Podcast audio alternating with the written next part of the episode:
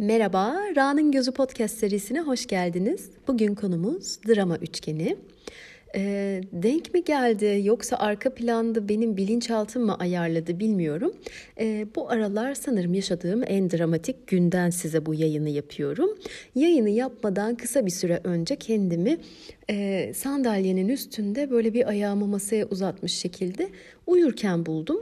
Yani bu sahne bir ofiste falan olsaydı kabul edilebilir olurdu. Hani mesai yakılınmış, yorgun düşürmüş falan ama yani e, yatağıma şöyle bir 15 adım uzaktayken 15'i salladım şu an hesaplayacak bir durumda değilim. Neden böyle bir dramanın içinde kendimi buldum diye de şöyle bir düşündüm. Sonra dedim ki hazır içeriğim de var ben bugün şu drama üçgenini e, kaydedeyim. Birazdan anlatınca fark edilecek e, ben de kendimi çürütmüş olacağım. Şu anlattığım dramayla az sonra e, içerik olarak anlatacağım drama alakasız. Bunu neden anlattığımı ben de bilmiyorum. Muhtemelen yorgunluk, uykusuzluk, e, kısa sürede çok iş yetiştirme e, hali, bir de üstüne taşınma, paketleme, koli yapma falan filan. Neyse. Ee, şey mi yapsak acaba ben bu içeriği başka bölüme aktarsam gidip bir kanepeye uzanıp anlatmaya devam etsem. Ama kalkıp gidecek halim yok. Ben içeriye dönüyorum. Şimdi drama üçgeni 1968 yılında transaksiyonel analist e, Stephen Karpman'ın ortaya koyduğu bir kavram. E, kendisi de masal karakterlerinden ilham alarak bunu oluşturuyor. Transaksiyonel analist olmasının da önemli bir katkısı var. Burada bunu da hatırlatmak istiyorum. Bir transaksiyonel analiz nedir? Hani 101 tadında bir bölüm yapmıştım. E, o yüzden o bölümü dinleyip bu bölümü dinlemek ya da ikisini ard arda dinlemek e, besleyici olabilir. Bunu da hatırlatmak istedim. Şimdi bir basit bir örnek vereceğim. Biz bu drama üçgeninde... E, Şöyle üç tane profilden bahsedeceğiz. Üç tane kişilikten, duruştan bahsedeceğiz. Bir tanesi kurban, diğeri kurtarıcı, diğeri zorba. E, masallardan etkilenmiş dedim. E, Cinderella masalını örnek verebilirim. Cinderella kurban rolünde, üvey anne zorba ve Beyaz Atlı Prens de kurtarıcımız tabii ki. Bunu çokça film ve dizide de uygulayabilirsiniz. Çoğunlukla özellikle Türk filmleri, Türk dizileri bu drama üçgeni üstüne kuruludur. Seyirci de buna bayılarak bunu satın alır diyebilirim. Şimdi e, bunların detaylarına az sonra gireceğim ama e, ben kaynak olarak Kurban Tuzağından Kurtulmak diye bir kitabı e, burada merkezde tutacağım. Onun üzerinden gideceğim. Yazarı Diane Zimberov. Ben bu kitabı çok uzun zamandır arıyordum. E, Türkçe baskısı yok, Türkiye'de baskısı yok, İngilizcesi de yok burada falan filan derken en sonunda derin web araştırmalarım sonucunda PDF versiyonuna ulaştım e, hala piyasada yokmuş. Bunu arayan arkadaşlarımla da e, PDF olarak paylaştım. Bunu şunun için söylüyorum. Ben az sonra altını çizdiğim yerleri, ilgimi çeken kısımları paylaşmaya çalışacağım. Ancak tabii ki hani bütün kitabı paylaşma şansım yok ki bu podcast'i dinleyenler çok iyi biliyor ki aslında öyle bir imkan olsa ben bayağı severek paylaşırdım. Ee, her her yerini çizdiğim için genelde. Neyse. Yani diyeceğim şu ki bu bölümü dinledikten sonra ben bunun bir de kitaptan okusam e, çok iyi olur ama kitabı nereden bulacağım diyorsanız bana e, bunu yazın bir mesajla ya da maille e, ben size bunu WeTransfer'le başka bir yöntemle ya da göndereyim. Çünkü şu sıralar piyasada bulmak imkansız diyebilirim. Şimdi Konuya şuradan başlayacağım. Az sonra drama üçgeni, işte oradaki kişilikler falan detaylı onlara bakacağız. Ama öncesinde kitapta Diane Zimberov'un da anlattığı gibi bunun çıkış kaynağı yani her zaman olduğu gibi yetiştiğimiz aile, çocukluğumuz olduğunu söylüyor ve burada işlevsel olmayan aile diye tanımladığı bir aile var. Böyle ailelerden de bu kurban e, üçgenini, e, şey pardon drama üçgenini besleyecek oradaki kişiliklerde geçişler yapacak bireylerin yetiştiğini söylüyor. Şimdi biz bu işlevsel olmayan aileye şöyle bir özelliklerine bakalım istiyorum. Şimdi bu ailelerde her zaman özel ilgiye ihtiyaç duyan bir kurban bulunuyor. Hasta, alkolik, bağımlı, yaşlı vesaire herhangi bir şey olabilir. Yani sebebinin ne olduğu çok da önemli değil. Ya da böyle sürekli ilgi dilenen melankolik bir tip de olabilir. İşte çok hasta, her zaman şikayet eden büyük anne olabilir, alkolik bir baba olabilir. Ya da ben biraz uç örnekler verdim. Hani daha böyle bunların daha hafifletilmiş versiyonları, dışarıdan bakınca çok sorunlu görünmeyen versiyonları da olabilir. Bu kişi ailenin zamanını ve enerjisini o kadar çok alır ki sonunda diğerlerinin ihtiyaçları karşılanamaz hale gelir. Yani yaratılan ortam tam olarak bu şekilde. Ve çocuk yani bu ailede büyümeye çalışan çocuk e, ailenin ve özel ilgiye muhtaç kişinin bakımına kendilerini kaptırdıkları için kendi ihtiyaçlarının ne olduğunu bilmeden büyür. Böylelikle de bu çocuklar genellikle kurtarıcı rolünde olurlar ileriki hayatlarında. İşlevsel olmayan ailelerde e, görülen yaygın bir özellik aile bireylerinin kaos ve dramaya bağımlı hale gelmesidir. Böyle bir ailede büyüyen kişi ihtiyaçlarının hiç karşılanmadığı ilişkiler döngüsünde bulabilir kendini. Ya sürekli kriz çıkma ihtimali olan ya da sürekli her şeyi düzeltmek için kendini sorumlu hissettiği ilişkiler yaşar. Bunun sebebi de yani biz insanların hayatlarında daha önce deneyimledikleri örüntüleri tekrar yaratmaya eğilimli olmasıdır. Amacımız o döngüyü bir şekilde tamamlayabilmek. Ancak tamamlarsak bir sonraki aşamaya gideceğimize inanıyoruz, düşünüyoruz ya da bilinçaltımız bizi bu şekilde yönlendiriyor. Buna bir örnek vereyim. Etrafınızda da çokça farklı örneklerini görürsünüz. Ee, mesela babasında alkol sorunu olan, babası alkolik olan bir kadını düşünelim. Ee, hepsi böyledir demiyorum ama böyle örnekleri görüyoruz. Ee, o kişi de hayatına hep babasına benzeyen, alkol sorunu olan adamları çeker. Mesela o adamlarla tanışmadan önce bilmez böyle bir şey olduğunu ama dönüp dolaşır aynı noktaya gelir. Çünkü orada da bilinçaltı çalışıyor. Orada aslında az, az önce söylediğim gibi amaç bir döngü var. Yani baba da bunu yaşamış, e, üstesinden gelememiş, sıkıntılarını görmüş. O kişi yani babasına benzer bu özelliği taşıyan kişiyle bir şeye başlarsa ve onu iyi bitirebilirse döngüsünü tamamlamış hissetmiş olacak. O yüzden o yüzden de çırpınıp duruyorlar böyle ilişkilerde diyebilirim. Şimdi bu aileden gelenlerin başka ne özellikleri var diye bakıyorum. Yakınlık korkusu. Çünkü yakınlığı kavga ve kriz olarak algılıyorlar. Yakınlık demek bunların içine girmek demek oluyor. Böyle ailelerde yetişen çocuklar için. Ailede birebir yoğun paylaşımlar ancak kavga aracılığıyla gerçekleştiği için bu insanlar kendilerini koruyabilmek adına diğer insanlarla yakınlık kurmak istemiyorlar. Hep aşılamaz bir mesafeleri oluyor.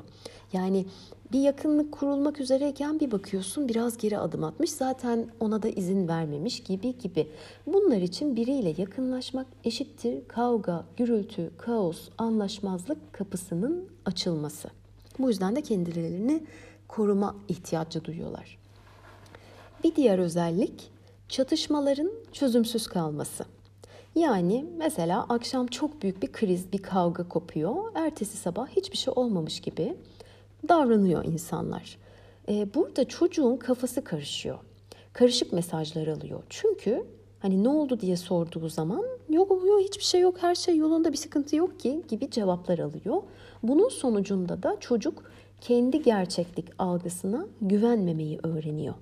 Ya buradaki konu bu arada şöyle yani bir akşam insanlar kavga edip ikinci günü düzelebilirler ama hiçbir şey olmamış gibi ya da e, gerçekte olan sıkıntılar, kavganın sebebi e, ortaya konulup çözülmediği için, üstü kapatıldığı için ve sonra sorulunca da hiçbir açıklama yapılmadan "Yo sen yanlış anlamışsın, yok öyle bir şey." gibi bir cevapla geçiştirildiği için böyle sonuçlara yol açıyor. Yoksa hani kavga edip ikinci gün normale dönmekte bir sıkıntı yok. Böyle aile ortamlarında da çocuk genel anlamda kimseye güvenme, Kimseyle konuşma, hissetme, duygularını ifade etme. Sadece uslu bir çocuk ol mesajlarında boğuluyor. Yani bunları e, direkt sözel olarak ya da izleyerek ya da ima ederek çocuğa vermiş oluyor böyle aileler. Sonrasında da e, olmadığı gibi görünmek, rol yapmak, duygularını içinde tutmak çocuklar için çok çok enerji gerektiren şeyler oluyor. Bu arada çocuklar için diyorum ama kitapta da öyle diyor ama yani şöyle düşündüğüm zaman bunları olmadığın gibi görünmek, rol yapmak, duyguları içinde tutmak, aşağı itmek, bastırmak kimin için zaten bu kadar çok enerji gerektirmez ki? Kim bunları çok kolay yapıyor ki diye de düşünüyorum. Bu durum ilerideki bağımlılıkların da başlangıcı oluyor. Çünkü az önce söylediğim gibi çok ağır bir yük. Bunu kaldırmak çok çok büyük bir enerji gerektiriyor. E, bu yükü kaldırabilmek için de bu çocukların kendilerini bir şekilde uyuşturmaları, sakinleştirmeleri gerekiyor. Bunun için çeşitli maddeler kullanıyorlar. İşte uyuşturucular, alkol, yemek gibi maddeler olabilir ya da bazı davranış bağımlılıkları geliştiriyorlar. Şimdi bağımlılık konusuna çok derin girmeyeceğim.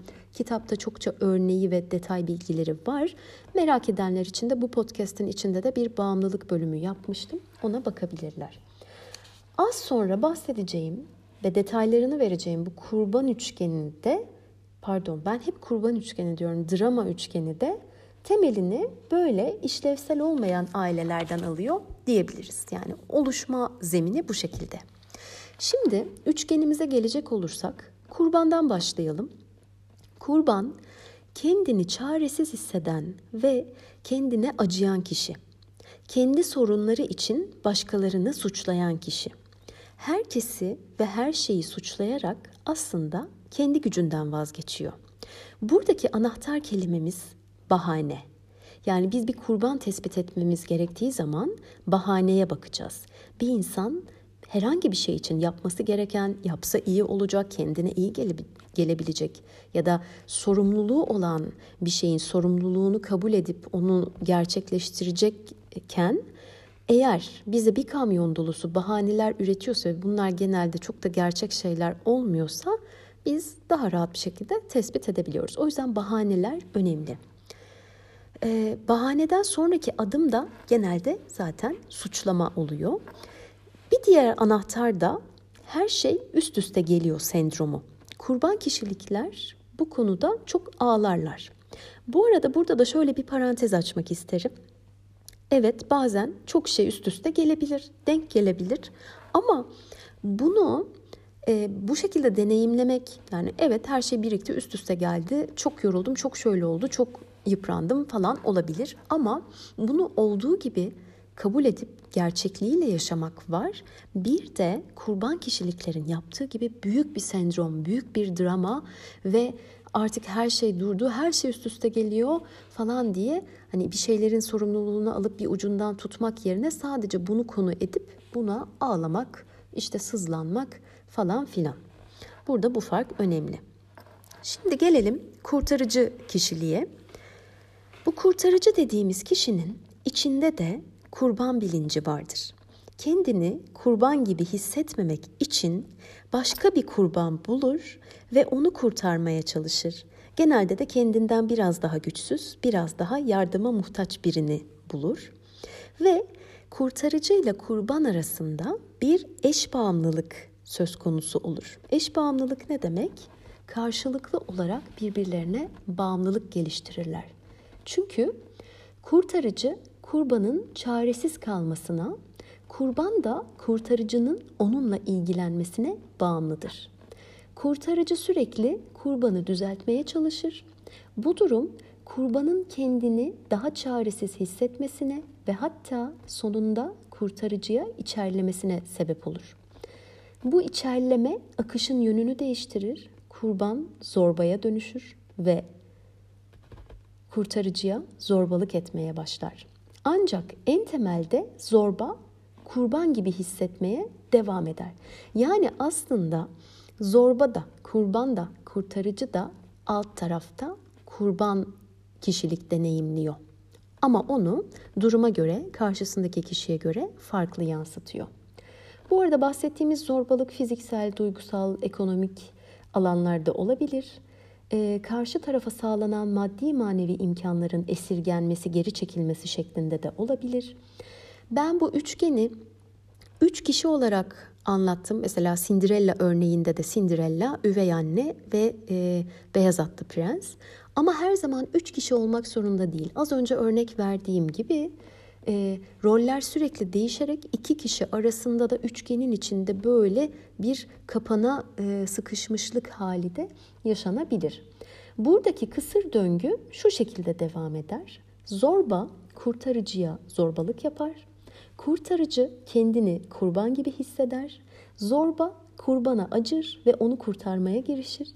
Kurban çaresiz hissedip içerler. Bu sefer zorbaya dönüşür gibi gibi sürekli bir oraya bir buraya. O ona acır, sonra kurtarmaya çalışır, telafi etmeye çalışır. Sonra öbürü bunu ters teper falan filan diye devam eder. Bunu çokça e, sayıda çeşitli ilişkide görmeniz de mümkün. Kurtarıcının şöyle bir özelliği var. Kurtarıcı yardım ediyormuş gibi görünen ama aslında bağımlılık oluşturarak kişi ve olayları kontrol eden kişidir. Yani deyim yerindeyse balık tutmayı öğretmez, sürekli balık verir. Gerektiği yerde balık vermeye, balık yetiştirmeye çalışır. İhtiyaç duyulmaya yoğun bir ihtiyaç duyar. Son derece bağımlı bir kişiliktir. Bunun için de şöyle bir örnek verebilirim yine kitaptan. Ailede anne kurtarıcı rolündeyse, bunu böyle üzerine giyinmişse çocuğuna karşı aşırı korumacı davranır ve çocuğa bir şeyi öğretmek yerine kendi yapar. Çocuk yetişkin yaşlara gelse de anne kendine ihtiyaç duyulsun ister. Yani normal şartlarda bir anne çocuğu büyüyüp kendini çevirebilen, her türlü ihtiyacını giderebilen birine dönüştüğü zaman e, normal şartlarda ben o annenin mutlu olmasını, rahat etmesini beklerim. Ama buradaki anne buna bozulacak bir anne. Çünkü kurtarıcı kişilik o kadar baskın ki eğer çocuk ona ihtiyaç duymazsa kendini çok değersiz ve oyunun dışında, hayatın dışında hissedecektir. Böyle bir eğilimi var. Kurtarıcılar bu arada kurtarma teşebbüslerinin geri çevrilmesinden hiç haz etmezler.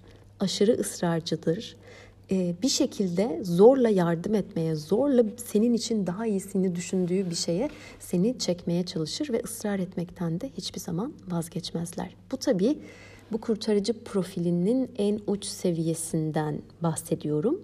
E, çeşitli seviyelerde mevcuttur.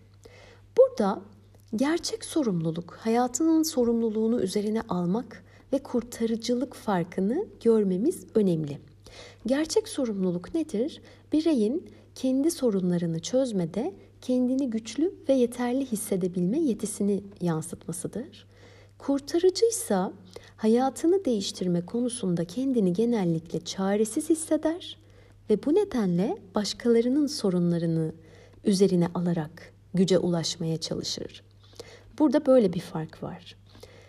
Az önceki anne örneği yani kendini feda eden anne e, bunun tipik bir örneğidir. Aslında bu kişi acı çekmiyor olsa bunu yapmazdı. Kendiyle ilgili belli ki bir sıkıntısı var, belki sıkıntıları var ve bunu kendini çocuğuna, eşine, evdekilere adayarak, kendini böyle süpürge ederek falan yok kendini değil saçını süpürge ederek e, bir şekilde kapatmaya çalışıyor.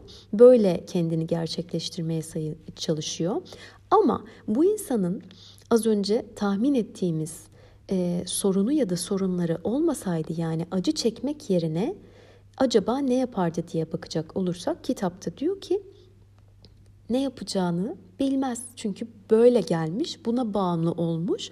Hiçbir zamanda o sorumlulukların e, o sorumlulukları, gerçek sorumluluklarını, gerçek sorunlarını, yük, yükünü işte üstüne almadığı için böyle şeylere kendini bağımlı hale getirmiş. Küçüklüklerinden beri de çocuklarını kurtardığı için onlara çaresizliği öğretiyor ve herkes ona muhtaç olsun diye onların yerine birçok şeyi yapıyor. Bu ıvır zıvır ev işlerinden küçük çocukların ödevlerini oturup yapmaya kadar çok geniş bir yelpaze. E, bunların tamamını kendini önemli, değerli bir şeylerin sorumluluğunu almış gibi hissetmek için yapıyor. Aslında kurtarıcı çoğu zaman işleri karıştıran, sonra da dönüp herkes ona muhtaç olsun diye ailedekileri de kurtaran kişi oluyor. Bu da kendi içinde bir döngü. Burada önemli olan kurtarmak ve yardım etmek arasındaki farkı idrak edebilmek. Yani birine yardımcı olmak, birinin işlerini kolaylaştırmak ki ben burada şunu da ekleyebilirim. O kişi de bunu istiyorsa, talep ediyorsa bunu yapmamız daha sağlıklı. Ayrı bir şey bu. Ama kurtarmak, tüm sorumluluğu üzerine alıp, tüm çözümleri geliştirip, tüm aksiyonları kendin alıp sonunda da başkasını kurtarıyor olmak başka bir şey. Bu bizim artık sınırımızı da aştığımız, başkasının sınırlarını da ihlal ettiğimiz bir noktaya geliyor. Peki şimdi e, bunları anlattım. Biz bu döngüden nasıl kurtulabiliriz? Ne yapabiliriz? Bunun çözümü var mı? Adımları nedir diye bakacak olursam ilk adımımız farkındalık. Kişisel farkındalık. Ben ne yaşıyorum? Ne hissediyorum? İhtiyacım ne? Şu an olduğum durumdan memnun muyum? Değilsem değişmek istiyor muyum? Bu az önce bahsettiğim üçgen için söyleyeyim. Ben bu üçgenin neresindeyim? Neresinde daha çok kalıyorum? Neye meyilliyim? Hayatıma nasıl insanları çekiyorum? Mesela kendimizi böyle de ölçebiliriz. Hayatımızda çok fazla e, etrafımızda kurbanlar varsa çok sık görüştüğümüz insanlar arasında büyük ihtimal biz kurtarıcı tarafına yapışıyoruz gibi kendimizi bu şekilde ölçebiliriz. Ben olmazsam bu gemi batar diyor muyum mesela? Ay ben olmazsam burası batar. Kimse bir şeyi beceremez. Hiçbir şey düzgün yapılmaz. Bu arada bu sadece ailede ya da sosyal ortamlarda değil, iş yerlerinde de sıkça karşımıza çıkan şeyler. Ee, ya da mesela üçgenin diğer bir ucundan e, örnek vereyim. Hayır ben yapamam. Benim için çok zor. Ben öyle bir şeye kalkışamam. Söz konusu bile değil gibi cümleler kuruyor muyum? Mutlaka birinin bir el atması, benim yerime birinin bir şeyi halletmesi, yapması gerektiğini hissediyor muyum?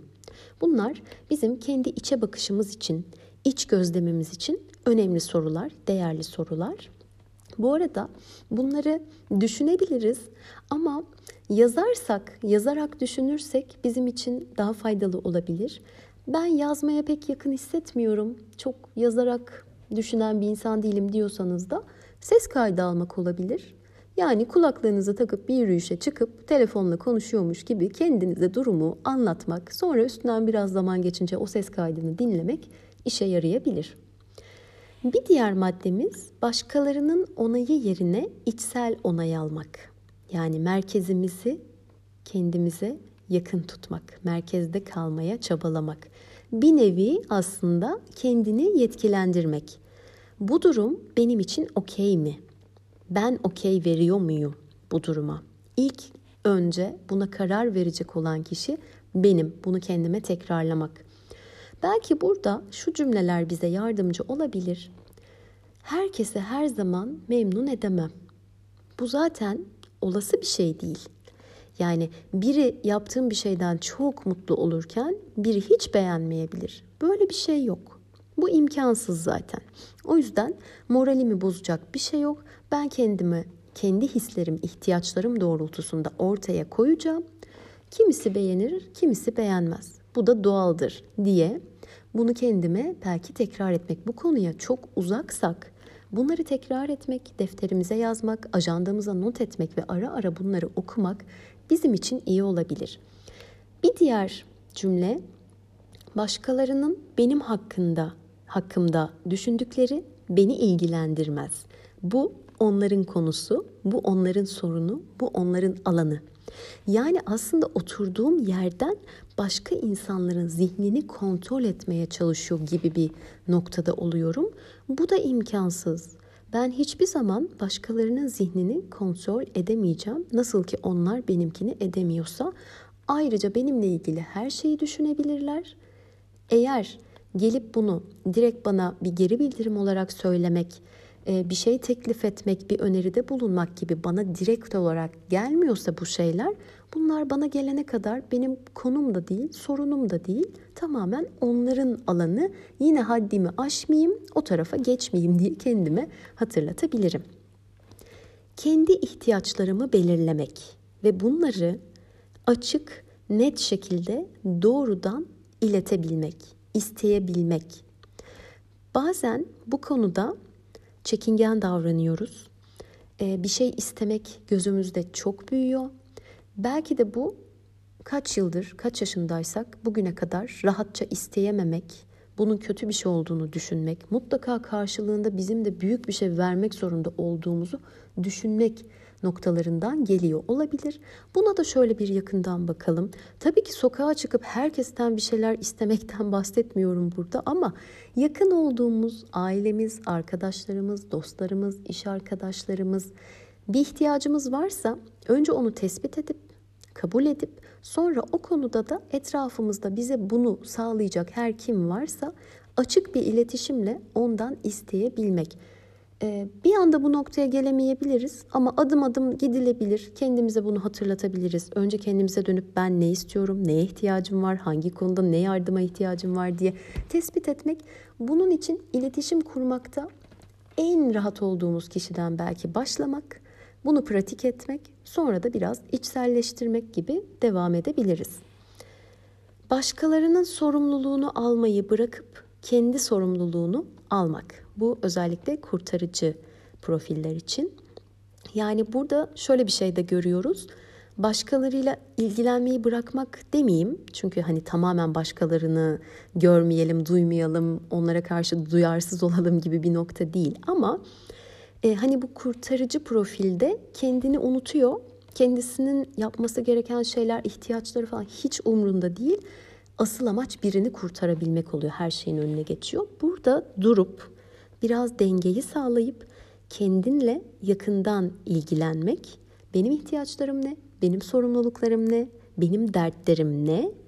Ben bir kendimi kurtarayım. Belki kendimi kurtarmak da demeyeyim de kendime bir el uzatayım, kendime bir yardım edeyim. Geri kalan zamanda benden biri bir şey talep ederse, yardım ihtiyacı olursa yardımcı olmaya çalışırım. Ama her şeyi çözmemi kimse benden beklemesin. Çünkü ben de beklemiyorum diye kendinle konuşmak yardımcı olabilir. Yani bu yolla da aslında başkalarına gücünü geri vermek ve bu sayede kendi kişisel gücünü geri kazanmak. Burada çok güzel bir denge var. Sen zaten sana ait olmayan bir şeyi üstüne alıyorsun. Onu sahibine iade edersen sen de kendi gücünü elde edersin gibi bir denklem. Kurban kişiliği iyileştirmek, yetişkin kişinin içindeki çocukla yeniden bağlantıya geçmesi, ona güvenmesi, gerçek duygularını ifade etmesi ve doğuştan gelen masumiyetine dönmesi için çok uzun zamanlardır kayıp olan güvenliği ona sağlaması anlamına gelir. Bu arada ben buna birazcık da kendi içimde kendini evlat edinmek diyorum. Yani belli zamanlardan, yaşlardan sonra Evet geçmişte şöyle bir aileden geldik, böyle bir baba, böyle bir anne, böyle bir kuzen, böyle bir dede falan filan. Hepimizin farklı hikayeleri olabilir. Kimimiz bu konuda belki daha az imkanlara sahip olmuş olabilir. Belki bazı travmalardan geçmiş olabilir. Ama belli bilgileri öğrenip idrak edince hele ki kendinize yardım etme niyetinizde varsa Şöyle bir teklifle kendinize gidebilirsiniz. Tamam bunlar böyle gelişti. Şu anda annem babam şu bu falan filan bir kenardalar. Ama ben kendime sahip çıkacağım. Ben kendimi evlat edineceğim. Yeri geldiği zaman ben kendimi anne babalık edeceğim gibi bir bakış. Ee, böyle söyleyince birazcık tiyatro gibi, komik gibi duruyor ama bana çok yardımcı olan bir bakıştır bu. Yani bu kendini dışarıya kapatmak, kimseden yardım almamak anlamına da gelmiyor. Ama kendine sahip çıkmak, kendine sarılmak, içindeki çocuğa sahip çıkmak, ihtiyaçlarını dinlemek, elinden geldiğince gidermeye çalışmak, ihtiyaç durumunda da dışarıdan yardım isteyebilmek. Bence yaşadığımız çokça problemi, sorunu, duyguyu bu şekilde çözebilir, halledebilir diye düşünüyorum. Benim kitaptan aldığım notlar bu şekilde. Genel olarak zaten araştırdığım zaman da aşağı yukarı bu bilgilerle karşılaştım. O yüzden kitabı merkezde tutarak üzerinden anlatmaya çalıştım. Başta söylediğim gibi daha fazla ilgi duyan, daha çok şey okumak istiyorum diyen kişiler raselinturhan.gmail.com adresime bununla ilgili bir mail atarlarsa kendilerine kitabın pdf versiyonunu da ulaştırmaya çalışacağım. Diyerek bu bölümü burada bitiriyorum. Sonraki bölümlerde görüşmek üzere. Hoşçakalın.